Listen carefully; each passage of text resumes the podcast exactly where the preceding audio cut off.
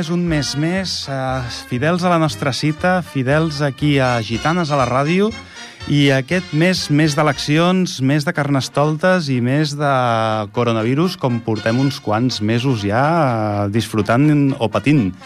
Eh, no sabria ben bé com classificar-lo.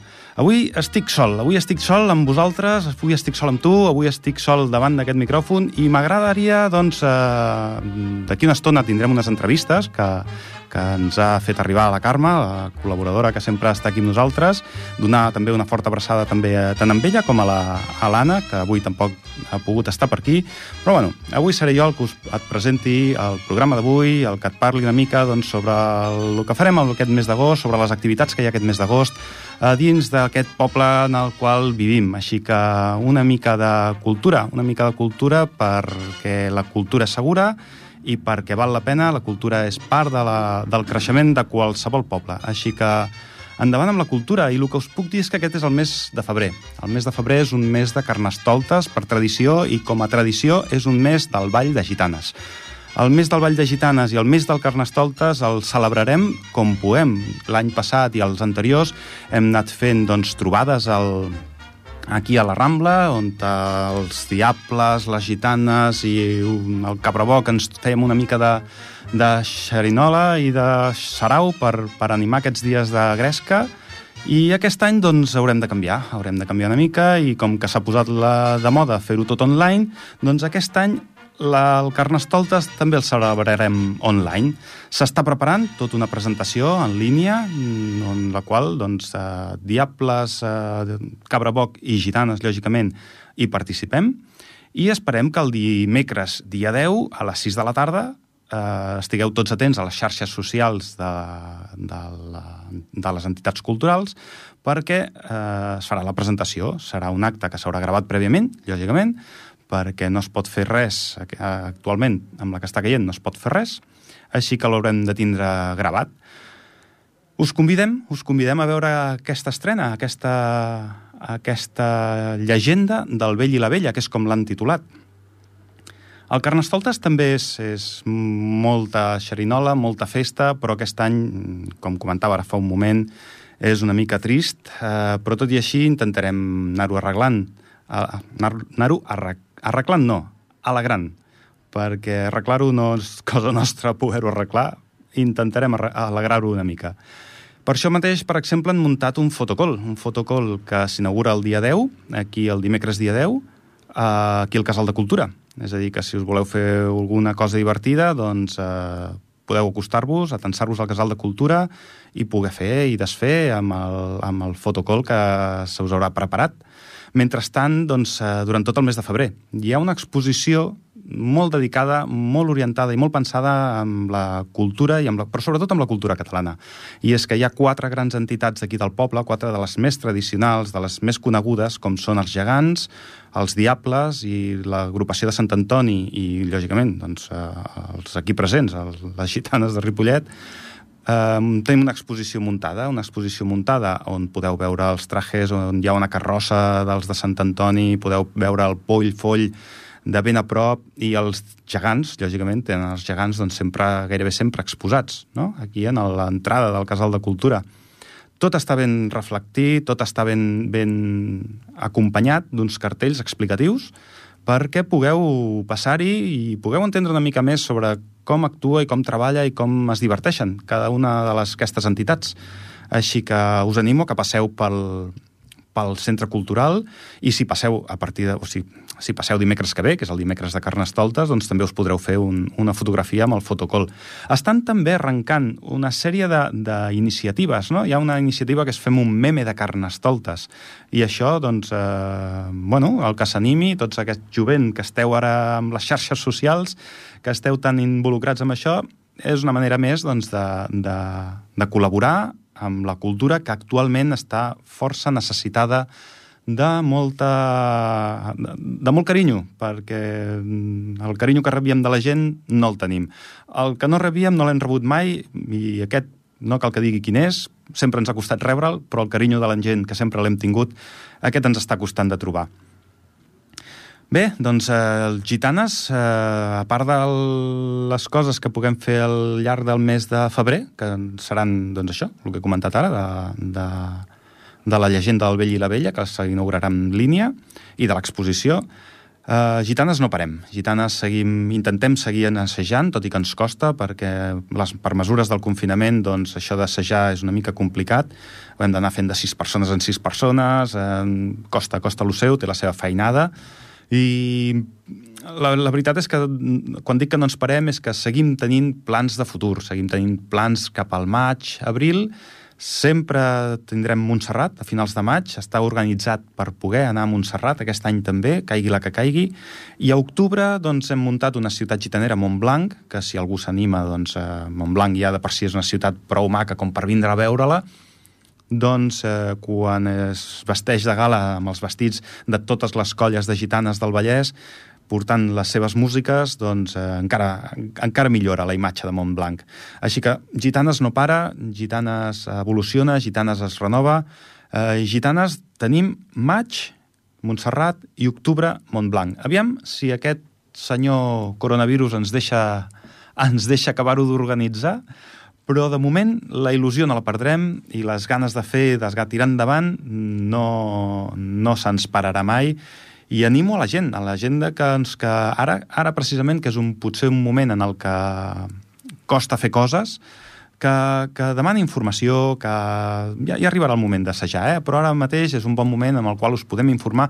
Ja no només parlo de la colla de gitanes, parlo tant de qualsevol de teatre, qualsevol de música, de danses, de qualsevol mena. Informeu-vos, eh, qui sap, potser coneixeu a més gent de que us penseu dins d'aquella colla i us podeu trobar doncs, força acompanyats i força gust així que jo us animo a que us poseu en contacte enviar un correu electrònic, enviar un WhatsApp, normalment qui més qui menys doncs els podreu localitzar, si més no, en el Casal de Cultura, i Gitanes, eh, fins ara, assajàvem els dimarts, 9 a 10. Ara, doncs, eh, de moment queda tot parat. De moment queda tot parat, i a veure si aquest maig podrem fer alguna cosa. La cultura segura, tot i que molta gent no ho vulgui veure o no ho entengui així, però mm, des d'aquí un crit i un a ple pulmó per, per reivindicar uh, això. Uh, com que estic sol, no tinc massa oportunitat no, ni, ni masses arguments per seguir explicant coses, així que en començarem a, a veure perquè em sembla que ens han enviat unes entrevistes que ha fet la nostra companya la Carme, unes entrevistes sobre gent parlant de cultura, parlant de música i parlant de diferents temes, de com els ha afectat, així que posarem una miqueta de, una miqueta de música i tot seguit eh, vindran les seves entrevistes. Vinga, fins ara, doncs. Assegut a la plaça del sortidor, aquí t'espero com si fos el primer bar. La Bohem, on comença el carrer Blai, que és la petita rambla del poble sec. Parla'm de la pluja que ha plogut, d'imatges molles als miralls damunt l'asfalt Potser és per això que el teatre està tan buit. Potser és per això que avui sento tan buides les meves mans.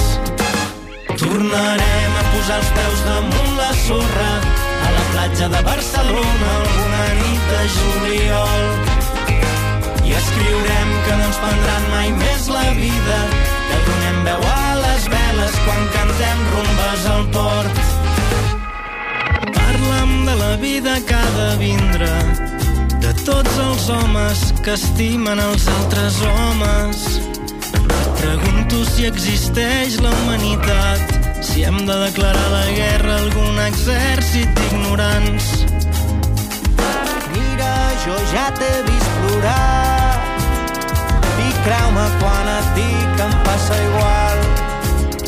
Quan em cantes les cançons mentre treballes assenyalant-me els dubtes com martells dins el meu cap.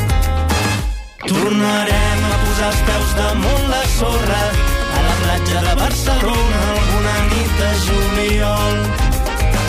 I escriurem que no ens prendrà mai més la vida, que donem veu a les veles quan cantem rumbes al port.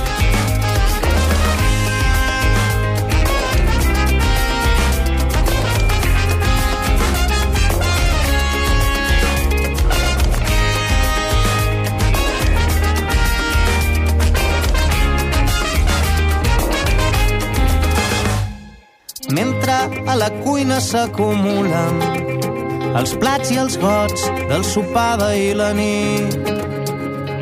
Tinc por de posar ordre a aquesta vida o de fer-ho quan ja sigui massa tard. Penso quina sort tenir cançons per explicar-te que a vegades sóc al fons l'energia necessària per lluitar i sobreviure en aquest maleït món. Tornarem a posar els peus damunt la sorra a la platja de Barcelona alguna nit de juliol. I escriurem que no ens prendran mai més la vida, que donem veu a les veles quan cantem rumbes al port. Tornarem a posar els peus damunt la sorra a la platja de Barcelona alguna nit de juliol. I escriurem que no ens prendran mai més la vida, que donem veu a les veles quan cantem rumbes al port. Assegut a la plaça del sortidor, aquí t'espero com si fos el primer bar. La bohem on comença el carrer Blai que és la petita rambla del poble sec. Hola a tothom, ens trobem aquí a l'Institut Vila de Cavalls i avui tenim la sort de poder entrevistar un professor encarregat del eh, batxillerat escènic en aquest institut i ell és el Robert, el Robert Trescens. Hola, Robert. Hola, bon dia. Bé, Robert, eh, et volia fer una entrevista perquè penso que, encara que sigui un batxillerat escènic, vosaltres habitualment, doncs, eh, les vostres pràctiques són obres de teatres, que no només són obres de teatres clàssics, sinó que feu musicals i de més.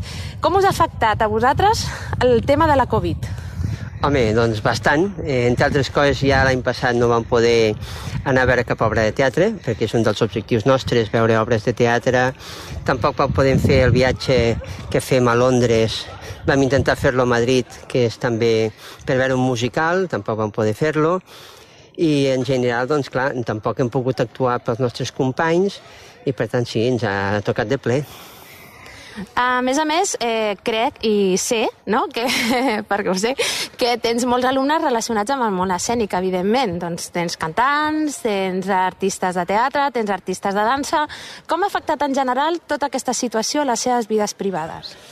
Aviam, tenim alumnes i exalumnes que estan patint aquesta situació. Eh, per exemple, hi ha, hi ha un alumne que està estudiant a l'ESCAC, que clar, està pagant molts diners per l'ESCAC, i l'any passat, per exemple, només va poder fer classe presencial dos mesos i al final de curs i van haver de recuperar tot el curs i aquest any estan fent moltes classes presencials i clar, poden gravar molt menys del que haurien de gravar i a part de les classes. I gent que per exemple està doncs, fent dansa avui en dia, alumnes nostres que no poden anar a fer dansa perquè per exemple una ho fa a Badalona i clar, com que hi ha el confinament municipal no hi poden anar i com preveieu vosaltres que continuarà afectant eh, aquest tema de la Covid al llarg de, del curs i de cara a l'any vinent? Creieu que hi ha la possibilitat de que una altra vegada el món de la cultura pugui obrir les portes, ja siguin no només a nivell d'institut, sinó a nivell general? Home, esperem, és el que desitgem i entre altres coses esperem que, que d'aquí poc a veure si també el, el govern en general es planteja el tema seriosament perquè, perquè fins ara s'ha dit d'unes ajudes, s'ha dit de moltes coses, però la realitat és que no es pren com un bé important i, i esperem que al final del curs puguin fer alguna cosa. De, de fet, els alumnes estem preparant obres de teatre per poder fer-les. Llavors ja veurem després si es realitzen o no. Vale, doncs uh, moltes gràcies, Robert, per la teva atenció i fins a la propera. A vosaltres. Bé, doncs continuem amb les nostres entrevistes i ara tenim aquí la Maria Rodríguez, que és una estudiant de segon de batxillerat del batxillerat escènic de l'IES Vila de Cavalls. I eh, he triat a la Maria perquè, bé, a part de ser una artista i que està estudiant i treballant per ser una gran artista, a més a més, els pares de la Maria està, tenen una acadèmia de ball i Bé, Maria, m'agradaria, en primer lloc, eh, preguntar-te com ha afectat aquesta situació de la Covid en el teu dia a dia i en el dia a dia de casa teva?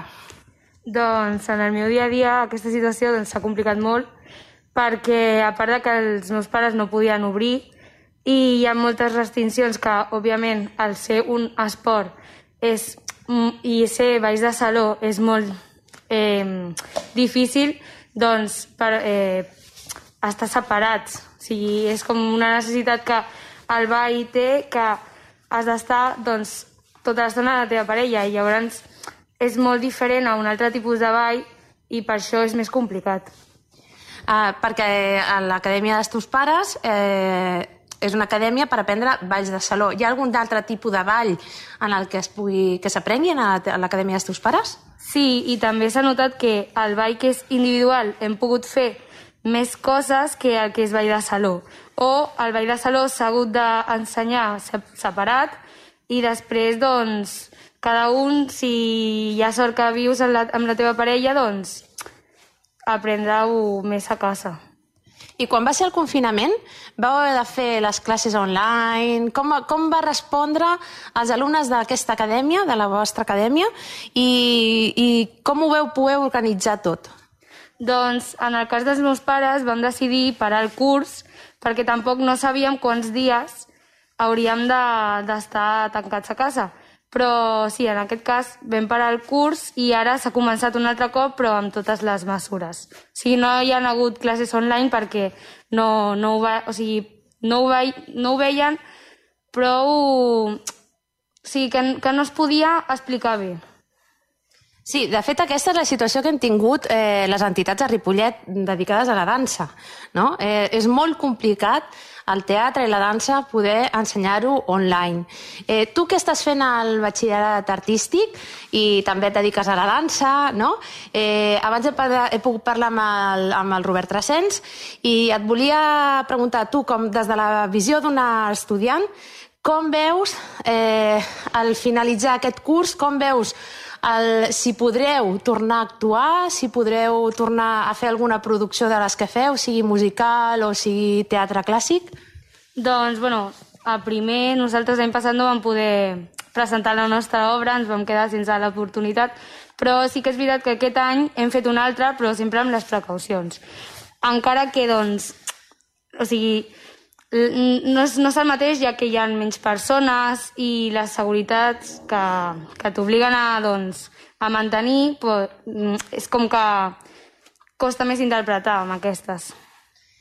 Vale, doncs eh, espero que pugueu tornar actuar una altra vegada, que pugueu tornar a mostrar-nos a tots els bons artistes que sou els alumnes de l'IES Vila de Cavalls i que per part privada doncs, els teus pares puguin tirar endavant el negoci, ja que són un dels molts eh, damnificats eh, per això, per aquest tema de la Covid i la cultura, com sempre, la perjudicada. Moltes gràcies, Maria. Sí, a tu. Doncs tornem a continuar, a reprendre les entrevistes i tenim aquí altres tres alumnes de l'IES Vila de Cavalls, de primer de batxillerat escènic, i són una ballarina, una cantant i un artista de circ. I ens explicaran, doncs, que, com ha afectat la Covid al seu dia a dia no? fora de l'institut. Ja hem parlat amb el Robert Trascens, que ens ha explicat com ha afectat en l'institut a la Covid, sobretot a la part escènica, que és el que ens interessa, i ara parlarem amb aquestes tres companyes que ens explicaran com ha afectat en el seu dia a dia. Comencem amb la Marta. Marta, tu ets ballarina no? i assisteixes a una acadèmia habitualment.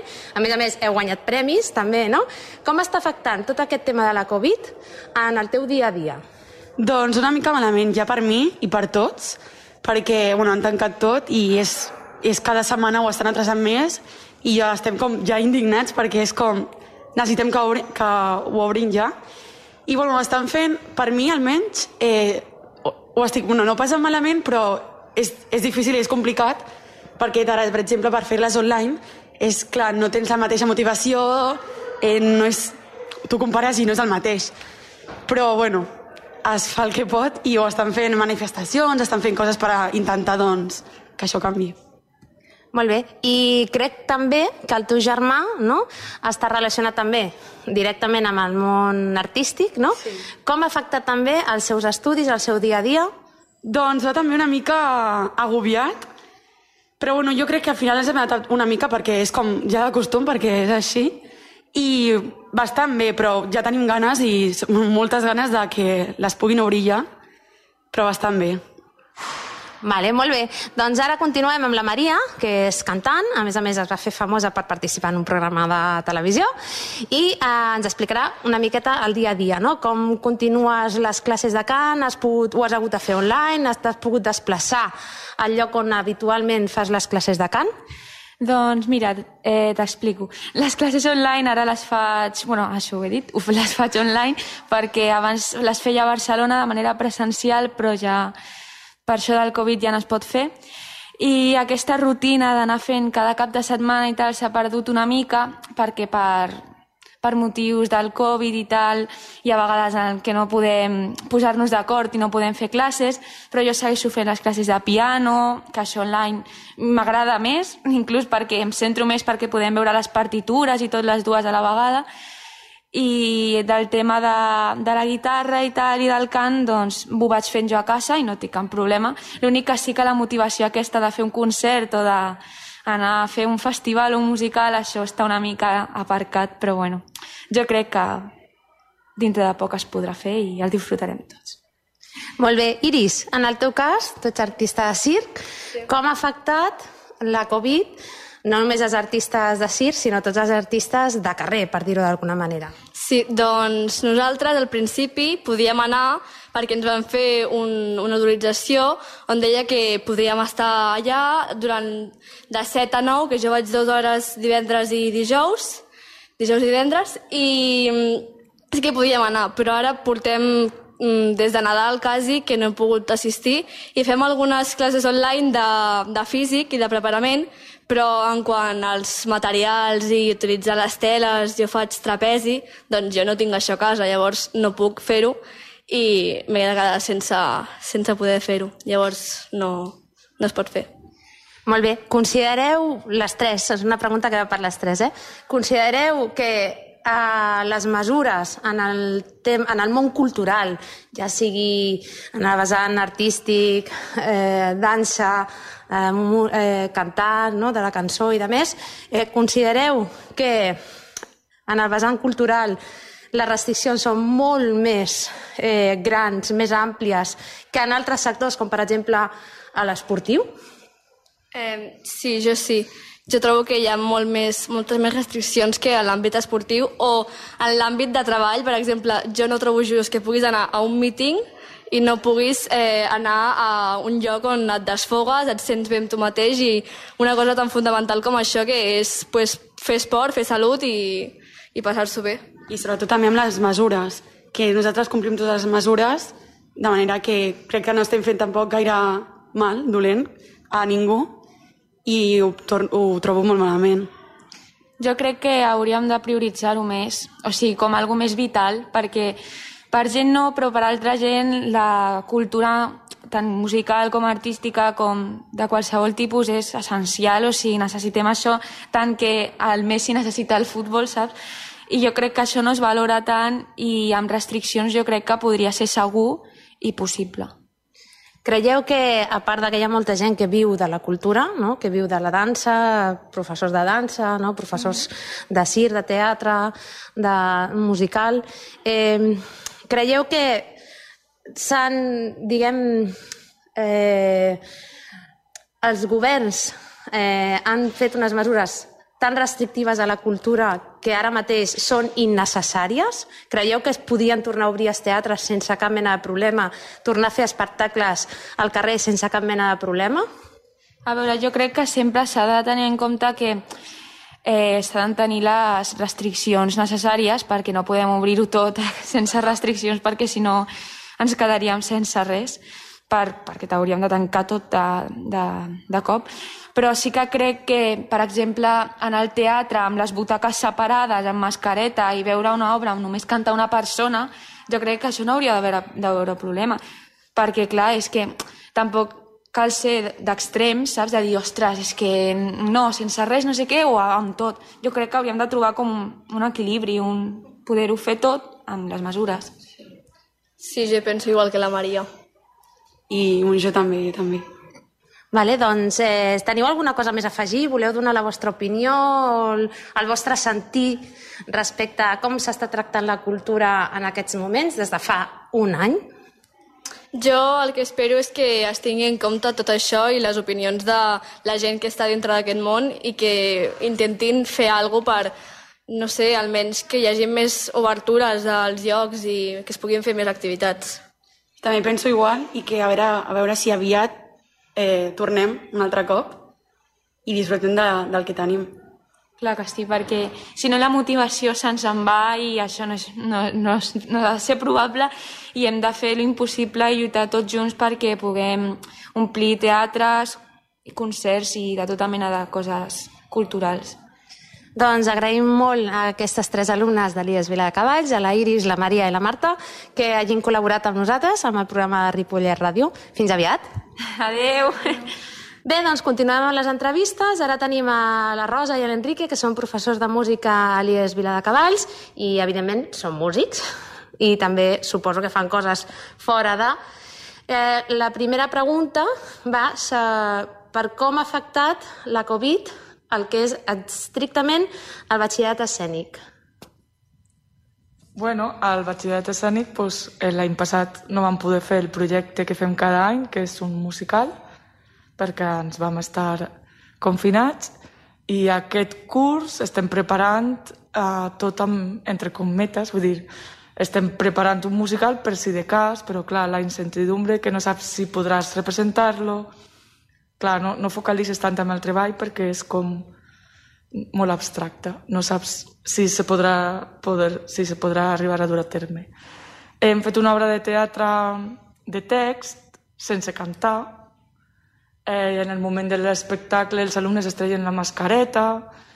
Bueno, sí, van poder, els alumnes van poder trepitjar escenari al desembre i amb molta por i amb molta precaució, però bueno, almenys per a ells va ser molt satisfactori. Quan van acabar l'obra estaven que es pujaven pels núvols. Estaven molt contents perquè, clar, per a ells és una experiència bàsica. És que necessiten sortir a l'escenari, si no aquest batxillerat no té sentit. I en altres circumstàncies ja haver entrepitjat escenari pues, un cop al trimestre segur, i clar, és trist, perquè ells no van a tindre la mateixa formació que tenen uns altres promocions. Clar, i a més a més també afecta el que són les classes de l'ESO, no? perquè aquí en el IES Vila de Cavalls, a part de l'assignatura de música, també hi ha assignatures de teatre i de música com a optatives. En el cas de primer d'ESO, si no em confonc, eh, normalment eh, es toca la flauta, no sé si és primer o segon. Com ha afectat, com va afectar l'any passat i com està afectant aquest any la Covid amb aquest tema? Perquè, clar, tocar la flauta és possible amb el tema de la Covid? Bueno, la flauta, lògicament, no, no és possible perquè, clar, és, un, és com un focus, és quan estan tocant la flauta i tiren l'aire, no, no, no és viable, lògicament. Llavors, sobretot la Rosa i, i jo vam estar comentant al principi del curs i vam trobar una aplicació en la qual podíem fer peces musicals a partir d'un piano i, i res, amb així ens anem, ens anem tirant, però clar, lògicament afecta moltíssim perquè clar, jo per exemple personalment tinc un material que són els boomwakers, que són uns tubs de colors i lògicament no podem fer servir perquè estan canviant de color, estan canviant de notes i és una mica... és molta adaptació però bueno, ens hem, crec que ens hem sortit bastant bé i els nens estan bastant contents.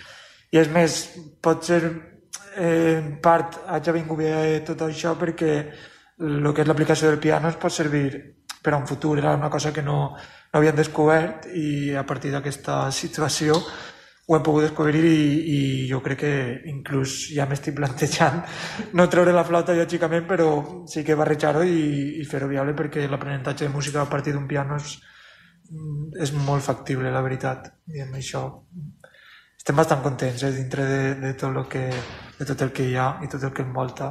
I bueno, i els nanos també s'ho passen bé perquè és una aplicació en la qual podem poden interactuar, poden tocar el piano a dos veus i poden jugar online i tal i és com, no sé, crec que també estan descobrint coses noves.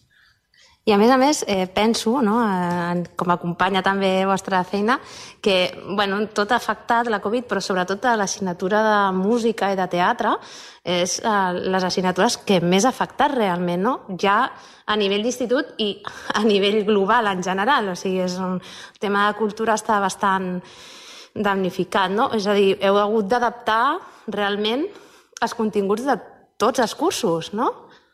Bueno, els continguts, mm, jo crec que si et pares a mirar, no. els continguts són els, més o menys els fem, però clar, hem hagut d'adaptar molt la metodologia. Per exemple, eh, amb el musical de primer de Batxi, sempre, com que no som professionals, sempre els cors són pregravats. És a dir, tenim a baix un estudi de gravació així mini i els cors són pregravats perquè, clar, no tenim la capacitat tècnica de tindre 15 inalàmbrics per a fer un espectacle 100% en directe. I clar, doncs, aleshores aquest any per gravar han de portar mascareta, han de, porten a més a més pantalla protectora i a la qual cosa, clar, eh, no poden cantar bé, s'ofeguen, els hi falta aire, tenen molta calor i aleshores hem de fer sessions de gravació molt curtes, ventilem l'aula, clar, has d'anar... Sí, és, és, és molt... Acabarem gravant igualment i aleshores l'objectiu de gravar a veus i de cantar en cors i això l'estàs assolint, però clar, la metodologia aplicada és molt enfarragosa i molt incòmoda. Sí, però bueno, al final ho acabes fent, igual que lo de la flauta de primer d'ESO. Ho adaptes amb una aplicació mòbil. Sí, és veritat, no és el mateix tocar una pantalla del mòbil que un instrument, però el contingut de que aprenguin les notes musicals o que facin una melodia amb un instrument sí que l'estem assolint igualment. I, a més, jo el que ha dit l'Enrique, que igual això es queda per a l'any que ve, perquè, clar, es posen auriculars, a la classe no hi ha tant de soroll, hi ha un clima de treball més, més adequat, que no és treure la flauta, però potser disminuir-la una mica, sí, sí. Bueno, el que estic veient és que nosaltres, els altres professors hem hagut d'adaptar temaris i a més, però realment els que heu fet molta feina heu sigut els de, els de música i teatre, no? que encara heu hagut d'adaptar molt més que no pas els altres, vull dir que teniu feina, feina. I a més a més, eh, l'IES Vila de Cavalls cada any participa a Com sona l'ESO. L'any passat no es va poder fer i aquest any com veieu el tema? Es podrà fer? No es podrà fer? Com ho veieu? Sí, això ho porto jo. Uh, vale, el com sona l'ESO, impossible. Vam fer el dissabte passat la reunió i és inviable, més perquè aquest programa o aquest, aquesta activitat la organitzen des d'instituts a València i a València actualment la incidència per Covid és eh, molt alta i per tant ara sí que ja està clar que no es farà.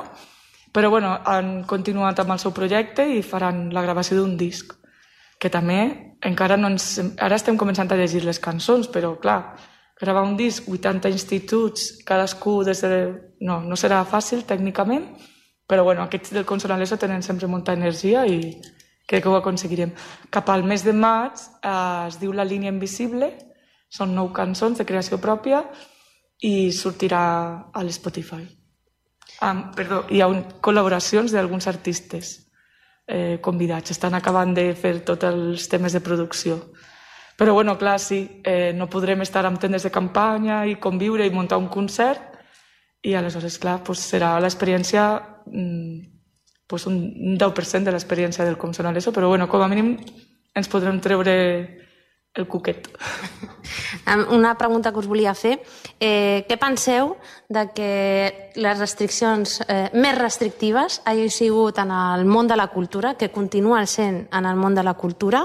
Eh, vosaltres que us dediqueu a nivell professional i a nivell personal a la, al món de la música, com veieu que s'hagi, diguem, com maltractat el món de la cultura en, el, en la Covid a, envers altres mons com l'esportiu, etc etc.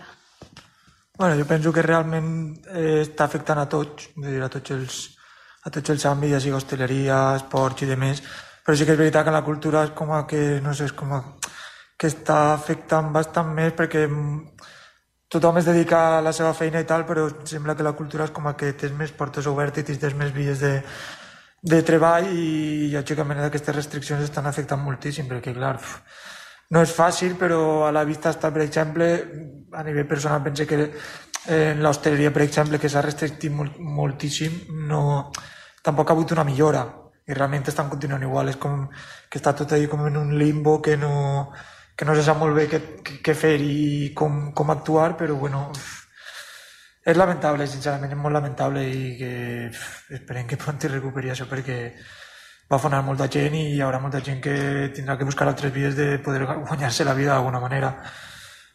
Clar, perquè a més a més a la, a la música, eh, en general les arts escèniques, no només és en espais tancats, també hi ha eh, concerts, eh, espectacles de dansa, teatre al carrer, i tampoc és possible fer-lo. El, el problema, jo almenys el que m'he trobat com a públic de teatre és que ja no és que l'espectacle no es faci, perquè espectacles se n'estan fent, però clar, hi ha un confinament municipal que t'impedeix sortir de la teva localitat. Aleshores, jo he perdut entrades al teatre perquè es feien a Barcelona, i clar, no me puc desplaçar a Barcelona. I no hi ha una excepció, tot i que tinguis l'entrada. Aleshores, clar, els espectacles, tot i que no estan tècnicament tancats, han hagut de tancar, perquè no tenen públic, perquè, clar, a Barcelona viu molta gent, però no tanta com per plenar tants dies les, els espectacles. Jo aquí sí que faig una crítica als diners, perquè, clar, al Liceu, per exemple, pues, es podia obrir, i aleshores pues, passa com sempre, que poderoso don dinero. El futbol de competició pues, continua funcionant, i és això, és que aquest món funciona així, i aleshores ara en, en aquests moments de crisi tot això aflora més. I és molt, molt injust perquè, perquè el Liceu sí que pot obrir i, i la resta d'espectacles no, perquè tenen més diners per poder... No sé, jo no me vull posar en qüestions difícils de solucionar, però, però sí, no, no, està ben, no està ben, ben solucionat al meu criteri, sobretot perquè el públic d'un teatre o d'un concert està en silenci i, i porta mascareta, aleshores mm, no hi ha massa... Jo sí que trobo perillós el públic d'un estadi de futbol que estan cridant, Eh, aleshores, aquestes coses s'haurien de poder mm, valorar. Però bueno, m'imagino que no té que ser fàcil ser polític en aquests moments i prendre aquestes decisions. Bueno, doncs us agraeixo molt que heu col·laborat amb nosaltres i fins a la propera.